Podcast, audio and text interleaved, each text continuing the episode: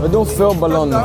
We doen echt veel ballonnen. Ik ben gewoon aan het blazen, wat je de tijd. Misschien heb jij ook wel eens op een vrijdagavond met vrienden aan ballonnetjes zitten lurken. Het geeft een heel kort maar euforisch gevoel. Ja, het gaat allemaal een beetje kietelen, je gaat heel erg lachen ervan. Het is een gas dat je niet ruikt of proeft en je krijgt er een lichte roes van in je hoofd.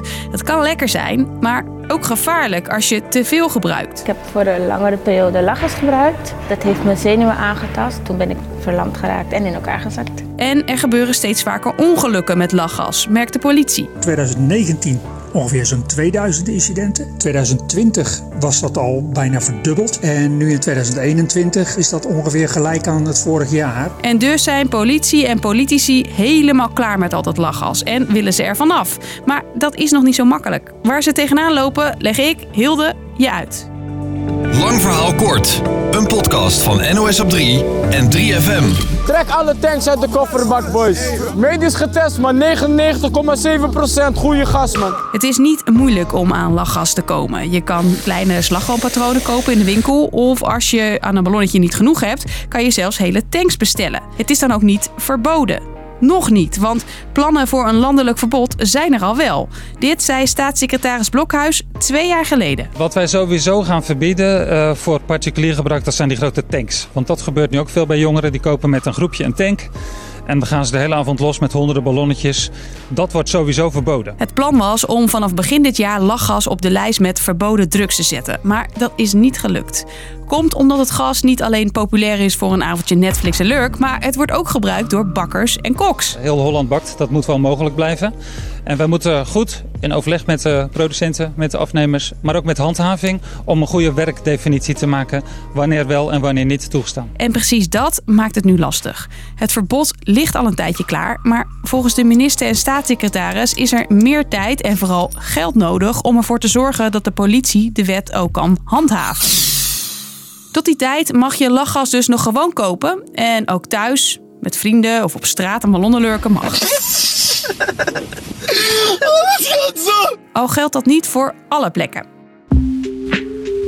Verschillende gemeenten hebben geen zin om te wachten op een landelijk verbod en dus kwamen zij al met lokale regels. Arnhem was eind 2019 de eerste lachgasvrije gemeente van Nederland. Op papier dan. We zien ook het gemak en eigenlijk de, de onverantwoordelijkheid waarmee uh, lachgas in ballonnen aan jongeren wordt aangereikt. Zonder dat daar enige uh, zorg of, uh, of begeleiding bij is. Ja, dat vinden we een hele gevaarlijke en een slechte ontwikkeling. Op dit moment heeft meer dan de helft van de Nederlandse gemeenten het gebruiken en verkopen van lachgas helemaal of deels verboden. Sommige alleen als het gebruik ervan zorgt voor overlast. In andere gemeenten is lachgas alleen verboden in specifieke gebieden, zoals het centrum of bij basisscholen. Is trouwens niet iedereen enthousiast over. Een verbod op iets of uh, iets illegaals maakt het alleen maar spannender en leuker om te doen. Als ze eraan willen komen, komen ze toch gewoon aan. In meer dan de helft van de gemeenten is lachgas dus deels of helemaal verboden. Maar ook op andere plekken waar zo'n verbod er niet is, kan je een boete krijgen. Vaak is het een combinatie natuurlijk van uh, overlast, misschien zelfs baldadigheid, misschien zelfs het plegen van lichte vernielingen. Kortom, het is vaak een combinatie van een aantal factoren. Ondertussen wordt er dus nog steeds aan een landelijk verbod gewerkt. Alleen, ik zei het net al, handhaven is lastig. Om erachter te komen of iemand alcohol op heeft, kan je een blaastest doen. En drugs, zoals cocaïne, kan je vinden bij een bloed- of urinetest. Maar bij lachgas is dat volgens de politie lastig. Bij lachgas, en dat kunnen we ook en dat is ook succesvol, handhaven we dat met de constatering van de politieman of de omstandigheden die we aantreffen in een auto. Want uh, ballonnetjes liggen soms gewoon her en der door de auto heen. Demissionair minister van Veiligheid Grapperhaus beloofde onlangs in een brief aan de Tweede Kamer dat er 14 miljoen euro extra wordt uitgetrokken voor de handhaving op lachgas. Maar of dat genoeg is? Wat ons nog verder zou helpen, dat is natuurlijk uh, de mogelijkheid om ook lachgas te kunnen detecteren. Hè? Dus om daadwerkelijk aan de hand van een proef of een, een of ander apparaat te kunnen zien van hey, ja, er is definitief sprake ook van lachgas. Wanneer dat uh, ontwikkeld is, dan zal dat sowieso uh, zeker helpen. Een landelijk verbod komt er sowieso. De vraag is wanneer? Als het aan het demissionaire kabinet ligt, halverwege volgend jaar.